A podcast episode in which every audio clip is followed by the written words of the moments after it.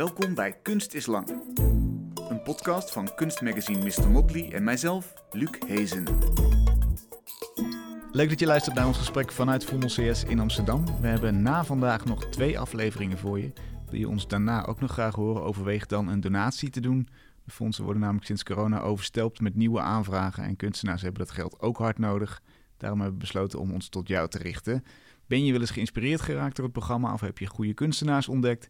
Steun ons dan met ofwel een eenmalige bijdrage of met 3 euro per maand voor een seizoen van 40 afleveringen. De details die vind je via de website van Mr. Motley. Daar zie je boven aan de pagina een link staan. En uh, nou ja, alvast bedankt uh, dat je het in ieder geval overweegt, want we willen heel graag door en uh, ja, we willen graag nog een jaar verrassen met mooie gesprekken. Deze komende uitzendingen die zijn een samenwerking met het Amsterdam Museum. Op 11 december start daar de eerste editie van de tweejaarlijkse manifestatie en bijbehorende tentoonstelling Refresh Amsterdam. Daarin geven 25 hedendaagse makers hun visie op de stadscultuur van Amsterdam. En mijn gast van vanavond is er daar één van, Cha Ling. Ze maakt geweldig fijnzinnige potloodtekeningen die zich wat betreft sfeer en symboliek laten lezen als een ingetogen droom waar tijd en ruimte niet eenduidig zijn. We zien vaak surrealistische scènes, bijvoorbeeld een streng mensen die aan een lampion omhoog de lucht invliegt, tegen een fonkelend sterrenlandschap. Of een liggende man op een verlaten strand in de yoga-pose Savasana, de zogenaamde lijkhouding, terwijl kleine mensjes aan alle kanten aan zijn lichaam en haar boenen, gras maaien en stofzuigen. En haar meest recente project heet Before I Was Born, een boek met poëtische tekeningen over de reis die haar familie maakte naar Nederland.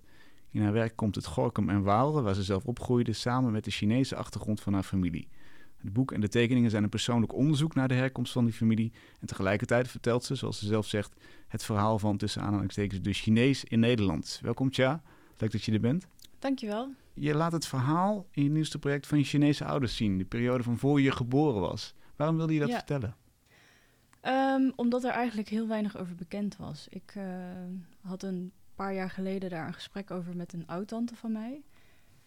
En toen bleek eigenlijk dat, er, dat, dat we eigenlijk heel weinig daarover wisten. En ik merkte ook bij mijn zussen of mijn nichten en neven...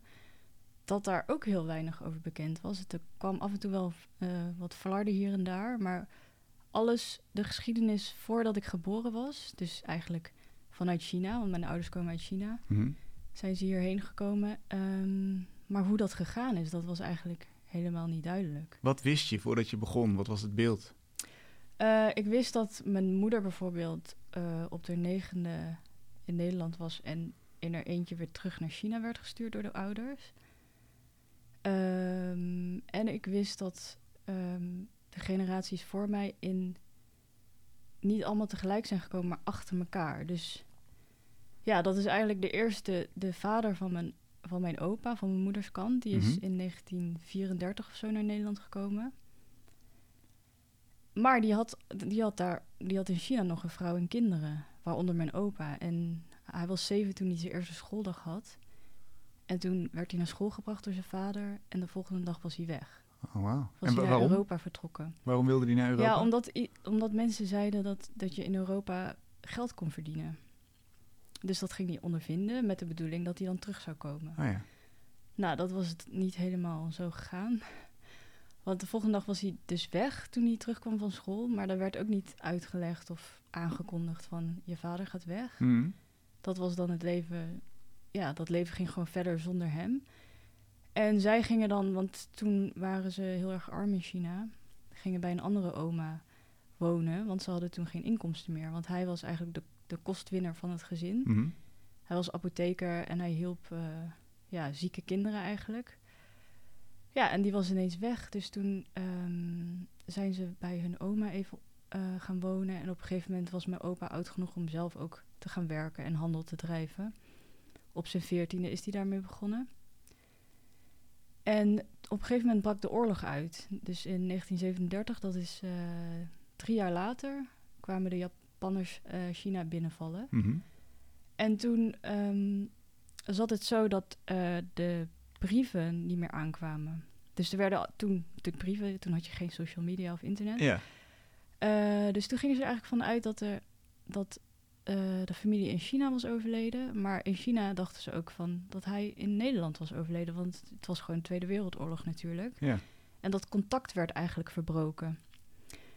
Dus wat had de vader van mijn opa toen gedaan? Eh, ja, die is toen dat is in de tijd dat er pindakoekjes werden verkocht in, eh, in Nederland. De Chinezen, die, toen waren er nog geen restaurants. Voor de tijd van de restaurants was, wa- waren het pindakoekjes.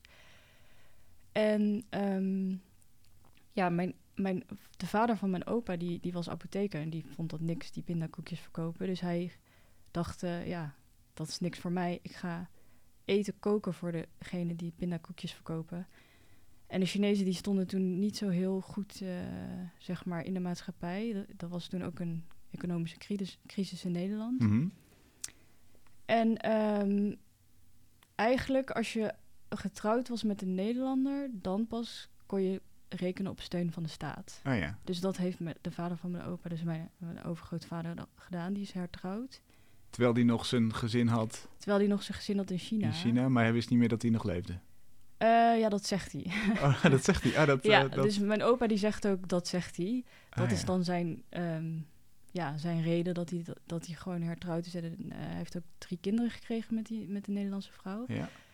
En één daarvan is dus mijn oud-tante, waarmee ik dat gesprek eerder dus had. Ja. Want zij is half Nederlands.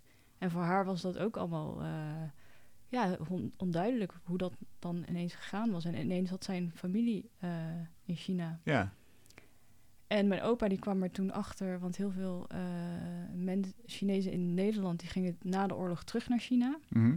En toen hoorden ze dus dat de vader van mijn opa nog leefde. En dat hij dus getrouwd was met een Nederlandse vrouw. ja. Dus toen was mijn opa eerst heel boos natuurlijk. Van eh, ja, je, je hebt ons gewoon ons laten stikken. Ja. Ja. Ehm, en toen heeft hij ook heel vaak gevraagd of hij terug wilde komen. Nou, dat wilde hij niet, want hij had natuurlijk een nieuw leven opgebouwd.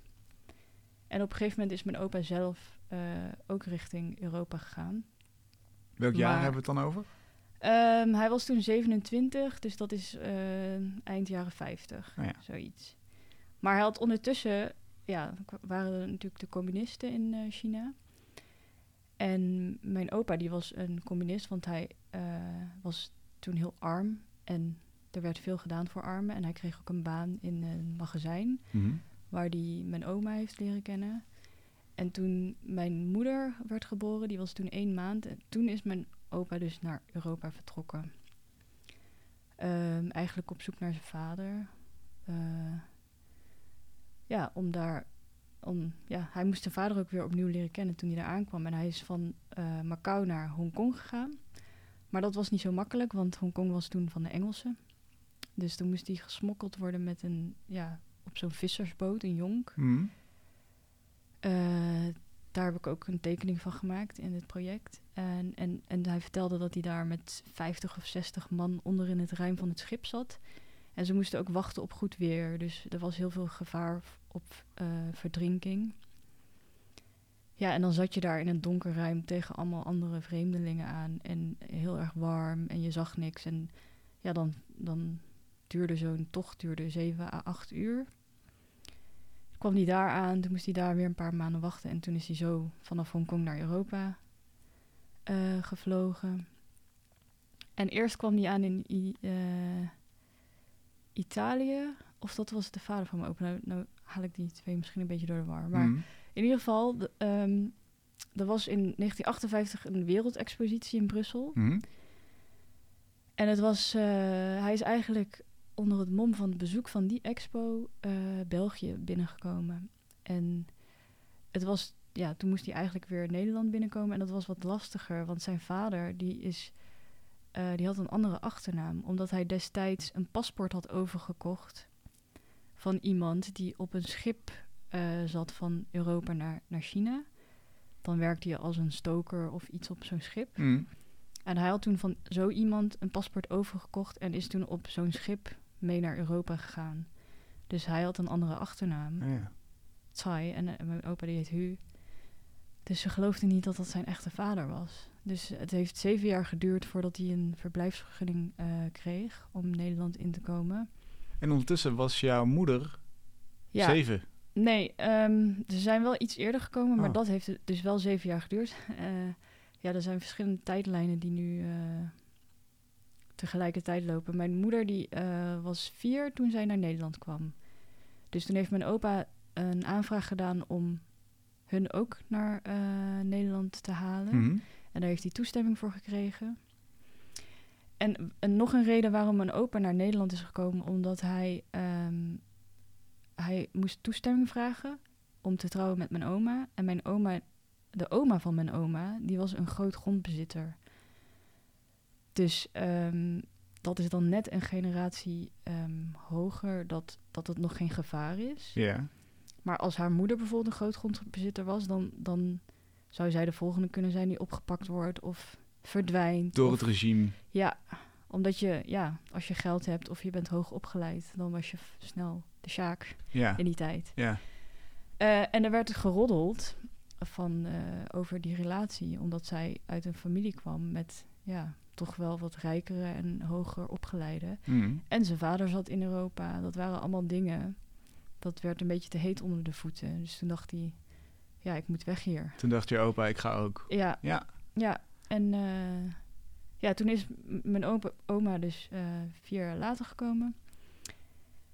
En ze zijn eigenlijk eh, gaan wonen bij de vader van mijn opa dus. Met z'n allen in het huis daarboven. In? En in Roermond. En ja, want mijn, de vader van mijn opa die, die had daar een restaurant. En mijn opa die werkte daar ehm, van 's ochtends tot 's nachts. Van 9 uur 's ochtends tot 1 uur 's nachts. Oké. Ja, en hij zegt ook dat wij eh, gewoon eigenlijk echt een luizenleventje hebben. Eh, ehm, en toen, ehm, ja, wat mijn oud-tante vertelde was dat eh, mijn opa dus opeens op de stoep stond. Zonder dat dat werd aangekondigd of uitgelegd. Dus in één keer had zij een halfbroer uit China. Dus dat was ook heel gek dat dat allemaal niet uitgelegd werd. Mm. En ik denk als je dat niet echt gewend bent, dat, dat je dan ook niet echt veel over het verleden praat. En dat ik daardoor en onze familie daardoor ook niet zoveel daarover weten. En Want, het komt. want hier, tussen dit verhaal en jou zitten natuurlijk nog je ouders. Ja, Eh, hoe, Ja. hoe, hoe passen die in dit verhaal? ja ehm, nou, mijn ehm, moeder en oma die kwamen dus nou ook naar Nederland. En dat, dat, eh, die twee gezinnen moesten met elkaar ja, in, onder één dak leven. Oh ja. Dat ging op een gegeven moment ook niet echt goed meer. Ik heb één zo'n afbeelding waarin je ehm, een, een scène ziet waarin een witlof in stuk is gesneden. Want dat is heel grappig, want dat was een herinnering die mijn oud-tante had. Maar dat was ook een herinnering die mijn opa had, los van elkaar. Hadden ze dat heel erg onthouden. Dus ik denk, nou, dat moet er sowieso in. Dat er op een nacht een witlof in stukken was gesche- ge- gescheurd. En de vrouw van, de, van mijn overgrootvader, die gaf mijn moeder en mijn oma de schuld. Mm. En mijn moeder en mijn oma, die gaven een van hun dochters de schuld. Dus er werd een beetje, ja, dat ging allemaal niet lekker en het wrong een beetje. Want zij dachten, ja, er komt ineens een vreemde Chinese familie in ons huis wonen. Ja. Toen, is, toen zijn mijn opa en oma en mijn moeder op een gegeven moment eh, uit dat huis gegaan en ja, gewoon op zichzelf gaan wonen en een eigen restaurant gaan openen. En zo hebben ze eigenlijk eh, een leven opgebouwd. En op een gegeven moment werd mijn oom geboren in 1960. Ehm, en het was toen nog wel zo dat de voorkeur uitging naar jongetjes. Dus dat heeft mijn moeder wel eh, meegemaakt. Dus dat haar, dat haar broertje echt helemaal vertroeteld werd en verwend. En dat zij ja, eigenlijk minder belangrijk was Oh ja. toen. Eind jaren 60 hebben we het nu over. Eh, in 1960 is hij geboren. Ja. Ja, en toen... eh, ja, en ik had daar zelf vroeger ook altijd vooroordelen over van... Ja, je kind is toch je kind. Ja. Maar als je daar verder induikt, dan heeft dat ook weer zijn redenen. Want ehm, als je als vrouw trouwt, dan is dat een, een, vrou- een meisje is veel duurder voor ouders. Want als die gaat trouwen, dan moet je een bruidschap, bruidsschat meenemen, meegeven. En ze worden gezien als, als eh, minder eh, geschikt om te werken. Mm. En ze dragen de naam niet, niet eh, door. Ja. Dus er zitten allemaal nadelen aan een meisje. ja, precies. Ehm, ja, en het, zit ook wel, het zat ook wel een beetje in die cultuur natuurlijk. Eh, op, op een gegeven moment was mijn moeder negen. Ondertussen zijn er nog twee meisjes geboren, mijn, mijn twee tantes. En op haar negende werd het te, te druk in huis. En toen zeiden mijn opa en oma dat ze Chinees moest gaan leren. En toen is ze met een collega van mijn opa eh, teruggestuurd naar China. En ehm, toen is ze daar bij een ja, Chinese oma en tantes eh, gaan wonen. Oké. Maar die kennen ze natuurlijk eigenlijk niet zo goed. En er was daar ook ontzettend veel armoede. En ik heb natuurlijk mijn opa en mijn moeder ook apart geïnterviewd voor dit project. Mm. En wat mijn moeder vertelt is heel iets anders dan wat mijn opa vertelt. En ik denk ook niet dat zij van elkaar de verhalen ooit aan elkaar hebben verteld. Dus ik denk niet dat mijn opa, want mijn oma is al inmiddels overleden, weet hoe dat voor mijn moeder was daar in China toen ze negen was. Want hoe, hoe kan dit? Je hebt, je hebt het hele familieverhaal gereconstrueerd. Ja, Eh, we hebben het nog niet eens over je vader gehad. Die komt later ook nog verderop in het verhaal, hè? ja. Eh, hoe, hoe kan het dat het allemaal niet bekend is? Of, of dat, dat, dat er niet gedeeld wordt, wat dat betreft? Ja, dat, eh, ik denk dat dat sowieso eh, iets van de Chinese cultuur is. Dat je niet echt over je gevoelens praat of over ervaringen praat. Het is gewoon zoals het is. En eh, ja, ik heb geen idee ja, hoe dat dan in die cultuur zo, waarom dat, dat zo sterk zo is eigenlijk. Hmm. Ik ken het van thuis uit ook, dat daar eigenlijk nooit echt over gepraat wordt van hoe je je voelt. Of Ja, ja, want vast voor dan naar jouw eh, eh, opvoeding eigenlijk. Hoe, hoe, hoe was dat en waar was dat? Ehm, ja, mijn ouders die, die zijn op verschillende plekken in Nederland hebben ze een restaurant gehad. Maar het langste heb ik gewoond in Aals. Dat is een klein dorpje naast Eindhoven. Hmm. En ehm, toen ik en mijn zusje echt jonger waren... Ik heb nog twee oudere zussen ook. Maar ik ben echt met mijn zusje meer opgegroeid. Want zij ligt qua leeftijd het dichtst bij mij. Ehm, toen hadden we in het begin een nanny. Omdat mijn ouders natuurlijk een restaurant hadden. En wij, ja, als wij terugkwamen van school... waren zij al naar het restaurant. Ah, ja. Dus ja, dan hadden ze niet echt tijd om daar eh, voor de kinderen op te passen. En dat was bij hun eigen ouders ook zo. Mijn opa en oma die waren ook eh, heel veel aan het werk. En eh, ja, die hebben zelfs de kinderen teruggestuurd naar China. ja. Omdat het te veel werd. Maar dat werken doen ze natuurlijk ook voor de kinderen. Dus ehm, ja, en dat, het, dat komt denk ik ook omdat je in China niet echt een vangnet hebt, zoals dat je dat hier in Nederland wel hebt. Dus je bent echt afhankelijk van je eigen familie eh, voor het financiële plaatje. Dus als dat niet lukt, dan, ja, dan kan je niet eh, een uitkering krijgen of ja, zo. er is geen, er is geen, eh, geen backup. Nee. Eigenlijk. Ja. En, Ehm, en hoe, hoe kijk je naar die cultuur eigenlijk? Want je, je, je hebt natuurlijk zelf dan ook Chinese wortels. Tegelijkertijd ben je hier opgegroeid. Ja, ik had eh, als puber al heel veel kritiek. Ja? ja, wel. Zoals? ja, bijvoorbeeld eh, dat mijn ouders inderdaad altijd aan het werk waren. Maar dat heeft natuurlijk ook met het horecaleven te maken. Niet per se dat ze Chinees zijn, maar ook dat je veel dingen niet kan bespreken. Of dat, ja, die geslotenheid, daar, daar heb ik wel eh, als kind wel moeite mee gehad, denk ik. Eh, maar door i- dit, in dit verhaal te gaan verdiepen, verandert dat wel een beetje. Want dan zie je eigenlijk wat, wat voor leven zij gehad hebben en hoe goed ik het eigenlijk heb. En hoe dankbaar ik ook ben dat, eh, dat zij dat allemaal hebben doorstaan om, om iets voor ons op te bouwen eigenlijk. Ja. Dus die kritiek is wel, en de vooroordelen die ik had, die zijn wel een beetje verzacht naar gewoon eerder trots en respect ervoor. Voor wat ze hebben meegemaakt en neergezet. En als je het in de tijdsgeest bekijkt, dan, dan eh, wa- was het ook heel anders toen. Net als dat mijn opa bijvoorbeeld zijn dochter, mijn opa en oma, hun dochter van negen naar, terug naar China sturen. Dacht ik altijd van ja, hoe kan je zoiets doen als ouder? Ja.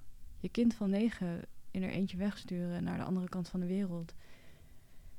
Maar als ik, als ik mijn opa daarover spreek, dan zegt hij dat, eh, dat heel veel ouders dat deden toen. En ja, dat was gewoon best wel normaal.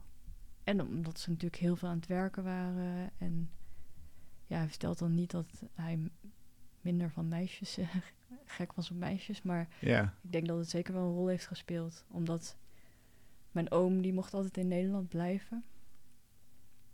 En eh, op, op, op haar achttiende is ze dan terug, weer teruggekomen naar Nederland. Want mijn opa die had toen ook personeel nodig in zijn restaurant.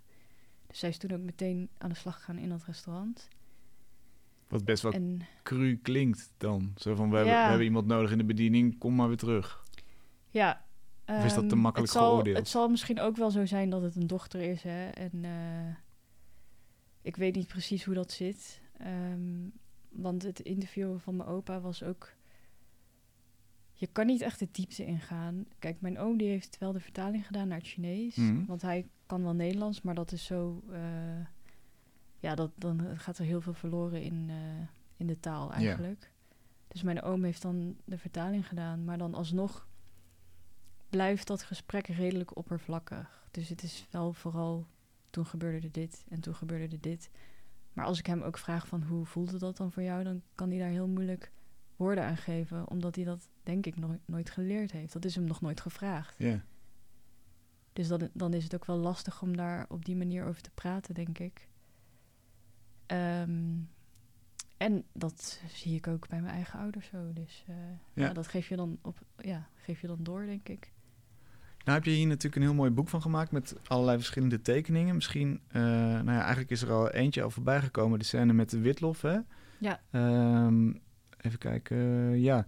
Dus eh, dat, wat we eigenlijk zien is een soort Wes Anderson-achtige doorsnede van een huis. Daar moest ik even aan denken, zo al die Ja. kamertjes. Eh, we zien twee lagen. In de bovenste laag twee families die tegenover elkaar staan. In de onderste laag is er dus iets met eten op tafel gebeurd. Nou, de, de witlof, ja, zoals je vertelde. En de wijze boze vingers naar een beteuterd meisje. En, en rechts daarvan vertrekt een familie met dozen. En wordt een jongetje omhoog gehouden. Ja, Allemaal in dezelfde tekening eigenlijk. ja. Vertel eens, hoe, hoe, heb je het opgebouwd? Waarom wilde je het op deze manier vormgeven? Ehm, nou, ik heb eerst...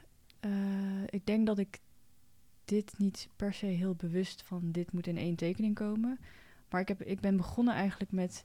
dus eerst eh, de informatie te verzamelen bij verschillende familieleden.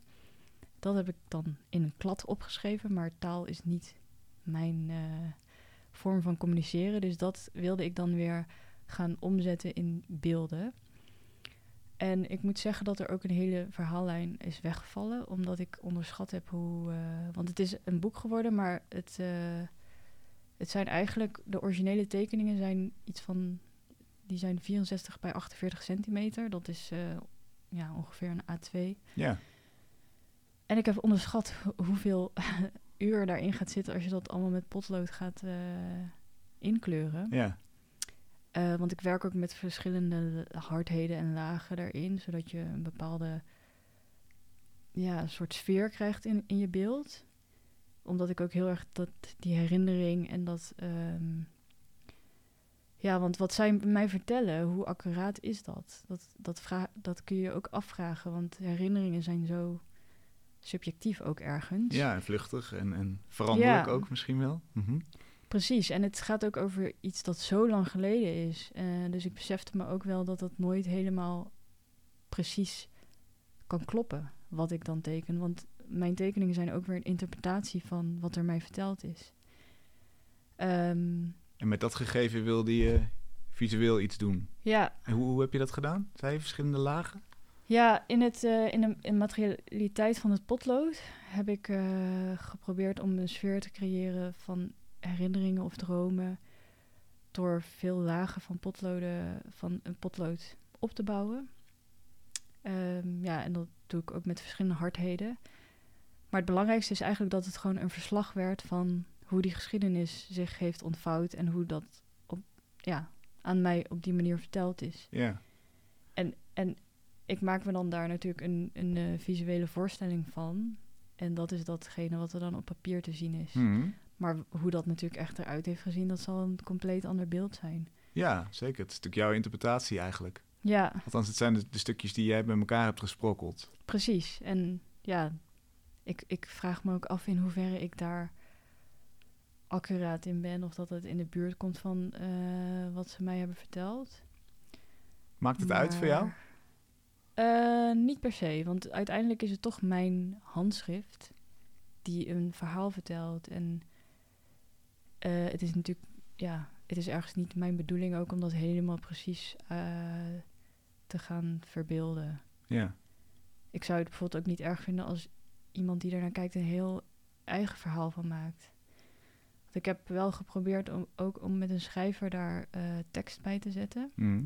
om het wat meer te duiden. Want sommige beelden, ja, die zijn ook niet meteen duidelijk. Of dan heb je niet meteen in de gaten wat er aan de hand is.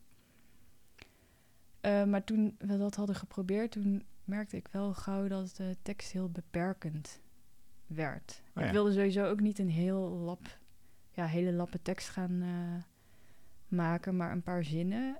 En het is bijna onmogelijk om dan een tekening in een paar zinnen te vatten of een gebeurtenis.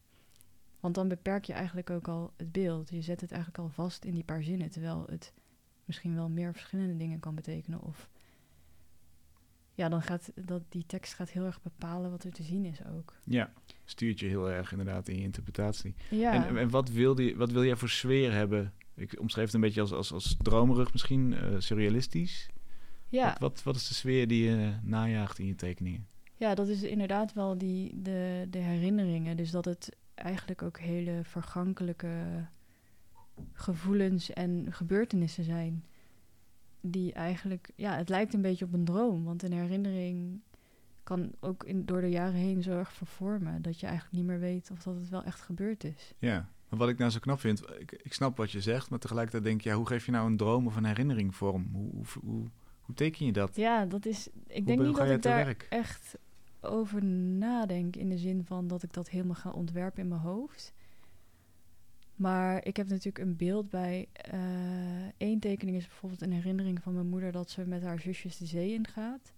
En dan vertelt ze dat ze eigenlijk dat bijna waren verdronken met z'n drieën. Omdat de golven heel wild waren. En er was net een boot waar ze zich aan konden vastklampen. En dat heeft eigenlijk hun leven gered. Hm. En eh, ja, als ze dat vertelt, dan heb ik daar gewoon meteen een beeld bij. Maar als ik teken, dan verandert dat beeld ook wel weer. Dus het, het krijgt eigenlijk de grote rode draad zit in mijn hoofd, maar terwijl ik teken, ja, geeft, komt de vorm daaruit, zeg maar. Er is ook nog een eh, andere tekening die ik mooi vond. Eh, dat is eigenlijk de eerste. Het begint met een doorkijkje van een Chinees restaurant, zoals we dat kennen. Zo'n leeuw voor de deur, gasten Mhm. die bediend worden, zitten te eten. En op de bovenverdieping twee mensen aan een eh, gewone eetkamertafel, twee televisies aan en drie kisten sinaasappels. En dan daardoorheen eigenlijk een berglandschap en een huis. En dat verraadt ook meteen weer dat, dat het meerdere werelden zijn die in één tekening verenigd zijn. Ja. Wat, eh, wat zien we daar? Eh, dat is het restaurant van eh, mijn ouders. En daar vindt eigenlijk ook het gesprek plaats met mijn oud-tante. Dus dat heb ik ook afgebeeld. En daarboven zie je eigenlijk mij en mijn zusje toen we klein waren. Hm. Eh, want wij, wij kennen dat idee van samen met je gezin aan de eettafel. Dat was eigenlijk ik en mijn zusje vroeger. Want mijn ouders waren natuurlijk in het werk, aan het werken in het restaurant. En ik denk aan de eettafel worden heel vaak verhalen gedeeld als familie. Of eh, ja, dat is toch wel de plek dat je, dat je met elkaar verbonden bent Mhm. als gezin. En dat is bij ons dan misschien niet per se omdat eh, mijn ouders Chinees zijn of zo, maar gewoon omdat ze een restaurant hebben. Ik denk dat mensen, andere mensen die een restaurant hebben en een gezin dat wel zullen herkennen. Dat horecaleven is natuurlijk s'avonds en dat is rond etenstijd en dan zijn je ouders aan het werk. Dus, ehm, eh, dus daardoor kwam er ook een soort afstand tussen mij en mijn ouders en die cultuur. Want hun cultuur was nog steeds heel Chinees. De mensen die in het restaurant werken komen uit China. Spreken allemaal Chinees en allemaal Chinezen. Dus dat, zij leefden nog wel in hun Chinese bubbel. Terwijl ik in Nederland opgroeide en ja, vernederlandste eigenlijk Hmm. steeds meer. En op een gegeven moment ook geen Chinees meer sprak. En ehm, ja, dan komt er zo'n afstand met jij en je eigen achtergrond. Dat ik eh, later dus dacht van, oh, dat moet ik even inhalen of zo. Ja? Hoe, hoe Ja. is dat in zijn werk gegaan? Eh, op een gegeven moment toen ik, eh, ik denk rond mijn twintigste of zo, dat ik me toch wel ging afvragen van hoe zit dat nou? En ehm, ja, dat je toch afvraagt wie je bent of zo, of waar je vandaan komt en hoe je dat eh, anders ziet bij anderen. En dat het eigenlijk heel raar is dat je er zo, zo weinig weet over je eigen ouders. En toen is het balletje gaan rollen ook voor dit onderzoek, voor dit boek. Ja, ja eigenlijk wel. Ja. En ik had dit project ook als excuus om dan vragen te kunnen stellen. Want ja, het is een be- beetje gek om na zoveel jaren in één keer allemaal vragen te gaan stellen. ja. Maar omdat het een doel had, was het voor mij makkelijker om dat te doen. Omdat ik dit... Nou, ze begrijpen eigenlijk nog steeds niet waarom ik dit aan het doen ben. Nee? nee. Nee, mijn moeder vraagt heel vaak: waarom moet je al die dingen weten? Of eh, ja, waarom is het belangrijk? Dus dat kan ik nog niet heel goed duidelijk maken. Maar wat wel bijzonder is, is dat. Ehm, dus ik heb die tekst dan laten vallen, die bij die tekeningen komt. eh, maar wel een kleine inleiding laten schrijven door. eh, om te illustreren van waarom ik dit project eh, gedaan heb. Mhm. En wat de bedoeling is daarvan. In 400 woorden of zo heb ik dat laten schrijven. En die tekst heb ik naar het Chinees laten vertalen. En die tekst heb ik weer aan mijn vader laten lezen. En toen had ik eigenlijk voor het eerst zo het idee van dat hij begreep wat ik aan het doen was. Dat heb ik eerder nooit gehad, omdat onze gesprekken altijd heel oppervlakkig blijven. Want mijn ouders, ja, die kunnen wel Nederlands, maar dat is best wel basic, zeg maar. Dat die, we kunnen niet hele diepzinnige gesprekken of zo voeren. Dat, eh, dat is te ingewikkeld. En ik kan geen Chinees. Dus dan gaat, ja, die communicatie is eigenlijk altijd best wel aan de oppervlakte. Ja. En in zo'n tekst kan je toch een klein beetje wat dieper gaan. En dan, ja, dat wo- wordt dan naar zijn taal vertaald. ja. En dan kan hij het voor het eerst eigenlijk lezen zoals dat ik het bedoeld heb. En, En, niet, wat zag je voor reactie? Of wat kreeg je voor reactie? ja, het was via WhatsApp, maar ehm, hij reageerde wel zo van... oh, nu snappen mensen waar wij vandaan komen. En ja, ik voelde gewoon een soort van... oké, hij snapt een keer wat ik aan het doen ben. Ja, mooi moment. dus dat is heel bijzonder. Ja, dat vond ik wel heel bijzonder. En dat is dus Dus, door eh, de kunst eigenlijk. Je hebt de omweg van de kunst nodig in dit geval om, om, om met je ouders te kunnen communiceren op zo'n niveau. Ja, en ik weet, ze hebben de tekeningen nog niet gezien. Wel een, de helft ervan, eh, toen ze nog niet af waren. Ik ben wel benieuwd eh, of dat ze daar ook dat verhaal uit kunnen destilleren. Ja, Of dat ze dat... Dat hoop ik, want dan... eh, wat ik net, waarom ik het natuurlijk in tekeningen eh, wil omvormen... is omdat dat een veel universeler manier van communiceren is. Dat juist voorbij gaat aan die taal... die ons barrière is eigenlijk in, in het communiceren. ja. Dus dat lijkt me heel mooi als ik op die manier... Ja, kan laten blijken dat het juist een heel mooi verhaal is om te vertellen. En eh, misschien dat ze dan het belang er ook wel van inzien. Mhm. Denk je nooit, ik ga gewoon Chinees leren? Ja, dat heb ik gedaan. Gewoon, dat is natuurlijk niet zo makkelijk, maar... Nee, ja, ik heb wel een cursus gedaan. Eh, een, een half jaar of een jaar was dat. Eh, een uurtje per week. En ik heb het als kind natuurlijk wel... eh, ik sprak als kind vloeiend Chinees. Hm. Maar ja, dus omdat mijn ouders aan het werk waren... en op een gegeven moment ga je naar een Nederlandse school... dan is één school wel genoeg. Ze hebben wel geprobeerd om dan ons op Chinese school te zetten... maar dat ging er gewoon echt niet in. En dat vind ik nu natuurlijk heel jammer. Toen heb ik een cursus gedaan en het is echt wel eh, heel moeilijk. Dus er zit echt, het is echt, eh, er, zit- er komt veel meer bij kijken dan ons alfabet. Ja, Dus eh, het, ik denk dat ik dan zeg maar nog een studie moet doen als ik dat onder de knie wil krijgen. Mhm. En mijn ouders die spreken ook een dialect, dus dat versta ik beter dan bijvoorbeeld Mandarijn. En dat is de gangbare taal waar je het meest aan hebt als je dat zou kunnen, als je dat onder de knie zou kunnen krijgen. ja. Dus ik oefen ook wel af en toe met ze, maar het is, eh, ja, het is zo makkelijk om weer in het Nederlands te vervallen eigenlijk. Hm. En En tekenen dan- is dan misschien een, een makkelijkere taal voor jou eigenlijk. Ja, en ook al zou ik het Chinees leren, dan blijft dat ook weer oppervlakkig. Want dan, eh, om een niveau te bereiken waarin je dus echt wel de diepte in kan, dan ben je weer jaren verder met studeren. Ja. Ik ehm, eh, las in een ander, in, ander interview met jou dat je ook het verhaal van de Chinees tussen aanhalingstekens wil vertellen. De Chinees in Nederland. Ja. Ik, kan dat überhaupt? Is er, is er, is er de Chinees? Kun je, kun je van zoiets spreken? Mm, denk het niet. Eh, eerder een Chinees, zou Ja. ik dan zeggen. Want eh, ja, er zijn natuurlijk in, oh, in heel Nederland Chinese restaurants. In elk dorp. Mijn ouders die zitten zelf ook in een heel klein dorp... waar je met één minuut doorheen bent gereden. Hm. En daar zitten ook twee Chinese restaurants. Ehm, maar er is eigenlijk niet zo heel veel bekend over die verhalen, hoe, hoe, hoe zij eigenlijk hier terecht zijn gekomen. Want ik kende mijn eigen verhaal niet eens. Dus Ja. laat staan dat dat voor de buitenwereld eh, bekend is. En dat komt natuurlijk ook omdat de Chinese gemeenschap vrij gesloten is, denk ik. Tenminste, in mijn familie is dat wel zo. Ja. En daarbij hebben mijn ouders ook niet echt de middelen om dat echt te communiceren. En ik, daar zitten ze ook helemaal niet op te wachten. Want ik heb ook ooit in een interview verteld een beetje over ons, onze geschiedenis.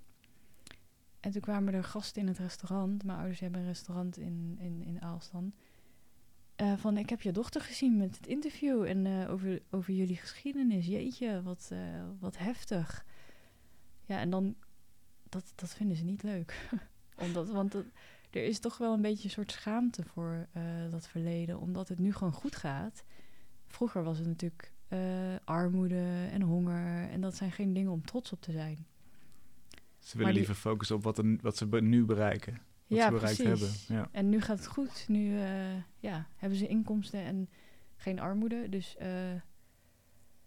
de, de knop omzetten van dat je dan juist daar trots op moet zijn, of zou kunnen zijn, van je komt met helemaal niks en uh, je spreekt de taal niet in een land waar. En in een tijd waar je geen Google Translate had of Google Maps. Hmm. Om dan zoiets op te bouwen is toch wel heel bijzonder. Wat zijn de grootste gaten in kennis, denk je, van de gemiddelde Nederlander over uh, iedereen met Chinese wortels die in, die in Nederland woont of naar Nederland gekomen is? Uh, ja, gaten. Ik weet niet. Ik denk dat er gewoon weinig over bekend is. En dat, er, dat daardoor misschien vooroordelen ontstaan of stereotyperingen. En um, ja, ik denk dat dat ik hoop dat een verhaal als dit dan dat, dat het iets open kan breken. Of een gesprek kan ontstaan daarover. Maar ik hoop vooral dat, dat, uh, dat er ook herkenning in gevonden kan worden. Dus ja, het klinkt misschien cliché, maar hoe, hoe verschillend we ook zijn van cultuur, er, er is juist, juist die herkenning is heel belangrijk. Dus het is een heel persoonlijk verhaal, maar ik, er zitten heel veel universele waarden in het verhaal. Ja, en... zoals, zoals ergens vertrekken om het ergens anders beter te krijgen. Hè? Uh, ja, ja. Iets, iets, iets op moeten geven, toch in de hoop op iets beters. Ja, zeker. En, en ik denk als mensen bij de, de Chinees komen, dat ze toch de mensen achter de balie als, ja, als de ander zien. Uh, en ook anders. Ja. Want ze spreken natuurlijk ook een andere taal en de cultuur is ook anders. Maar ja, er zit ook heel veel verbondenheid en ja, um, gelijkenis in. Ja. En hoe meer je je eigenlijk identificeert met je achtergrond, hoe afgescheiden je eigenlijk ook raakt van. Ja, dan, plaats je jezelf echt in een hokje. En um, ik wil dat natuurlijk via zo'n persoonlijk verhaal juist uh, die herkenning vinden daarbinnen. Het, het, is eigenlijk, nu je zo zegt, je, je komt bij de Chinees, klink, vind ik dat al raar klinken. ja. Toch? De, ja, het is echt een... Uh, een labeltje. Ja. Waar natuurlijk gewoon, waar, ja, waar, waar mensen achter zitten. Ja, dat klopt. De, de Nederlander zou ook een gekke winkel zijn. Ik ga naar de Nederlander. Het klinkt toch heel erg beperkt tot één labeltje. Ja, dat, dat, dat is ook zo. het is echt een... een uh, de Chinees, de afhaal, dat is echt een ding geworden ja. op een gegeven moment. En um, ja, op zich heb ik daar niet echt uh, een probleem mee, denk ik. Maar de Chinees is wel meer dan de Chinees. Ja. En ja, ik hoop met een project als dit dat mensen wel iets verder kijken dan, dan, dan de Chinees. Een afhaal. Ja. En de maar, voorkant van het loketje. Ja. Maar ik zie mijn moeder ook wel heel veel gesprekken hebben ook met gasten die dan komen eten halen. Um, maar ergens blijft dat natuurlijk ook wel oppervlakkig. Dus, ja. Ik denk niet dat mensen vragen van uh, hoe ben je nou hier terechtgekomen in Nederland? Nee. Die, ja. En ja, dat er toch wel een soort. Doordat dat Nederlands natuurlijk niet heel, heel erg super is, dat er toch wel uh, sneller het oordeel is van: oh, je zal wel dom zijn of zoiets. Mm. En ja, dat soort vooroordelen heb ik eigenlijk zelf ook naar mijn ouders toe. Niet dat ze dom zijn, maar dat ik wel gewoon sommige dingen niet hoef uit te leggen of hoef te vragen. Want dat begrijpen ze toch niet. Ja, de moeite doe je, dan, doe je dan niet meer. Nee. Ja. We, ja. Wij moesten vroeger altijd de brieven uh, vertalen. Of tenminste uitleggen als we brieven kregen. En van die administratieve dingen. Mijn zus die, die, die, die helpt hen heel erg met administratiedingen en zo. Dus eh, ja, in die zin zijn ze ook wel ergens beperkt in hun eh, kunnen. Hmm. Maar dat, is, ja, dat komt ook omdat ze natuurlijk niet hebben kunnen studeren enzovoort. Dat maakt ze nog niet dom. Maar ja, je hebt wel extra uitleg nodig soms. Ja. Ja. En zijn dit allemaal, eh, laten we zeggen, staat het boek allemaal in dienst om dit te overstijgen? Dus is het vooral die communicatie of, of ben je ook gewoon heel erg bezig met mooie tekeningen maken en, en kunst maken? Hoe, hoe verhouden die twee zich tot elkaar? Ja, dat is eh, eigenlijk een mooie combinatie. Dus ik kan eh, tegelijkertijd iets zeggen en eh, daar mijn creativiteit in kwijt. Mhm. En het begon eigenlijk meer als een persoonlijk proces van het zoeken naar identiteit en wie ben ik nou en waar kom ik vandaan. En later kwam ik erachter van het is eigenlijk heel, waarom wil ik dit delen met de wereld? Eh, zodat de ander zich kan herkennen in mijn verhaal. Dus dat ik niet zo anders ben als dat ik er misschien uitzie, bijvoorbeeld. Want wat heb je bijvoorbeeld over jezelf geleerd door dit hele boek? Ehm, ja, dat. eh, ik heb vooral. Ben vooral. eh, ik heb meer begrip voor de opvoeding die ik heb gehad. Dus. Ja, mijn ouders die waren natuurlijk veel aan het werk. En we hebben, wij zijn altijd heel erg verwend geweest. Dus we kregen alles materialistisch gezien. Mhm. Eh, maar in de communicatie was het dan wel wat minder. Maar nu begrijp ik natuurlijk veel beter waardoor dat, dat allemaal komt.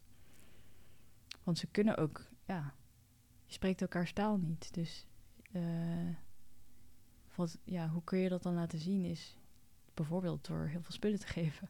Ja. En ehm, ja, dat, dat, eh, dat heeft me wel aan het nadenken gezet van eh, wat mist daar dan of zo. En daarom ben ik denk ik ook eh, op zoek gegaan naar die geschiedenis en hoe dat dan allemaal zit. Zonder dan daar heel erg te over oordelen.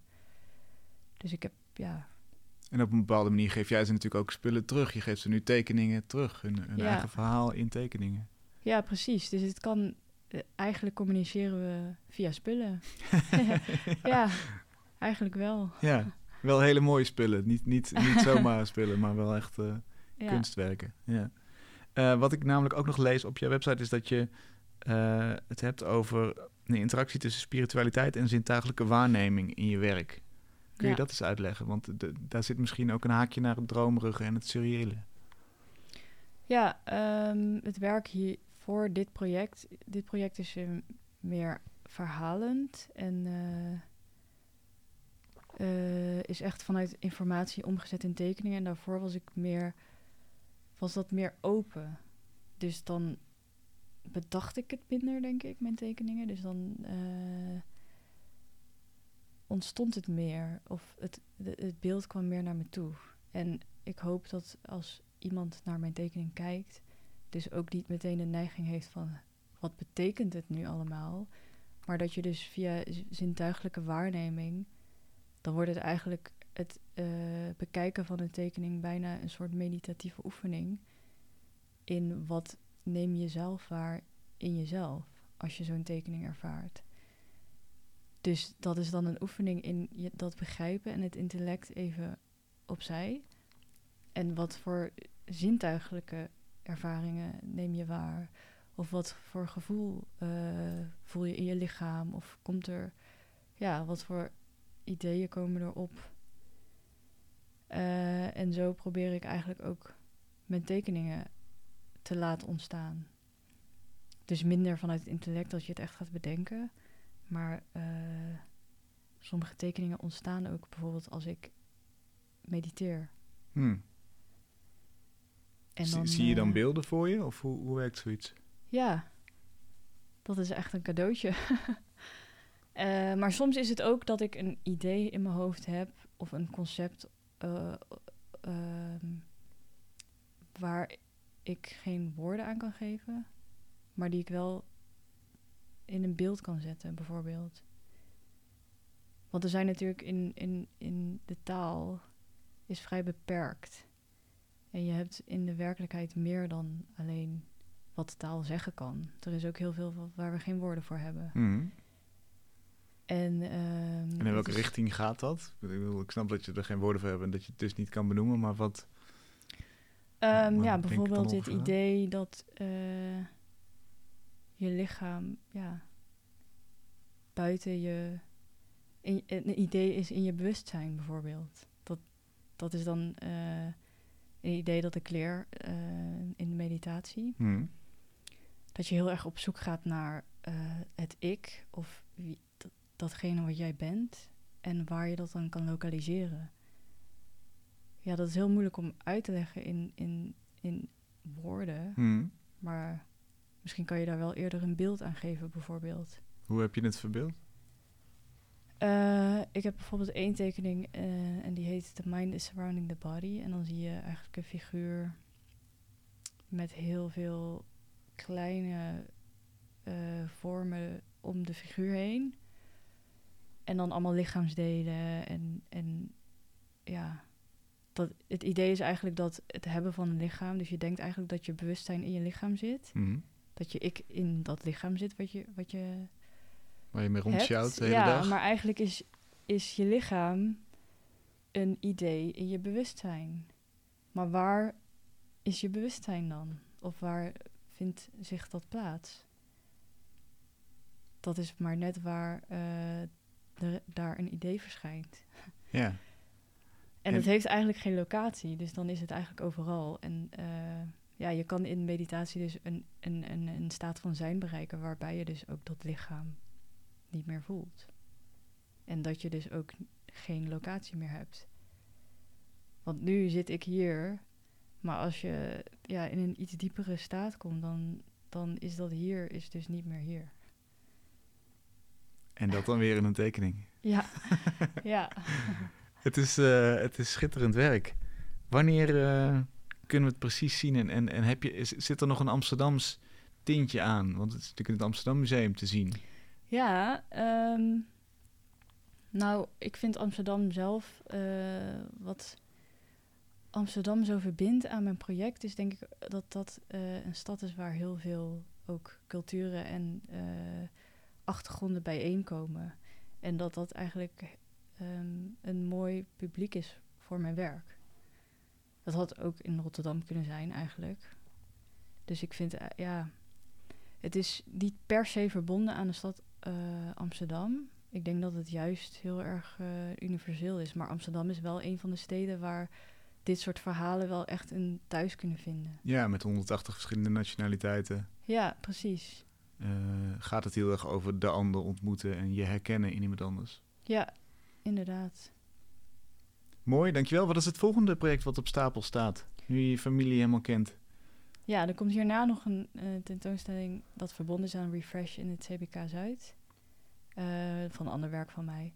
En ik ben nu aan het nadenken over een volgend project, maar daar ga ik nog niet zoveel over zeggen, want eh, ja, dat is nog allemaal in ontwikkeling in mezelf. Hmm. Heeft dit met meditatie te maken? Ik wil wel weer wat dieper eh, me gaan verdiepen ja, in het bewustzijn en in wat, wat onze mens maakt eigenlijk. Ja. Mooi, blijft dat vormgeven in, eh, in, die, in die mooie raadselachtige tekeningen van je. Dat, eh, daar genieten we van. Dankjewel. Dankjewel. Tot zover Kunst is Lang van deze week. We zijn er volgende week weer. En vind je het leuk als we er volgend jaar ook zijn met een nieuw seizoen? Doneer dan wat je kan missen via de website van Mr. Motti. Tot volgende week.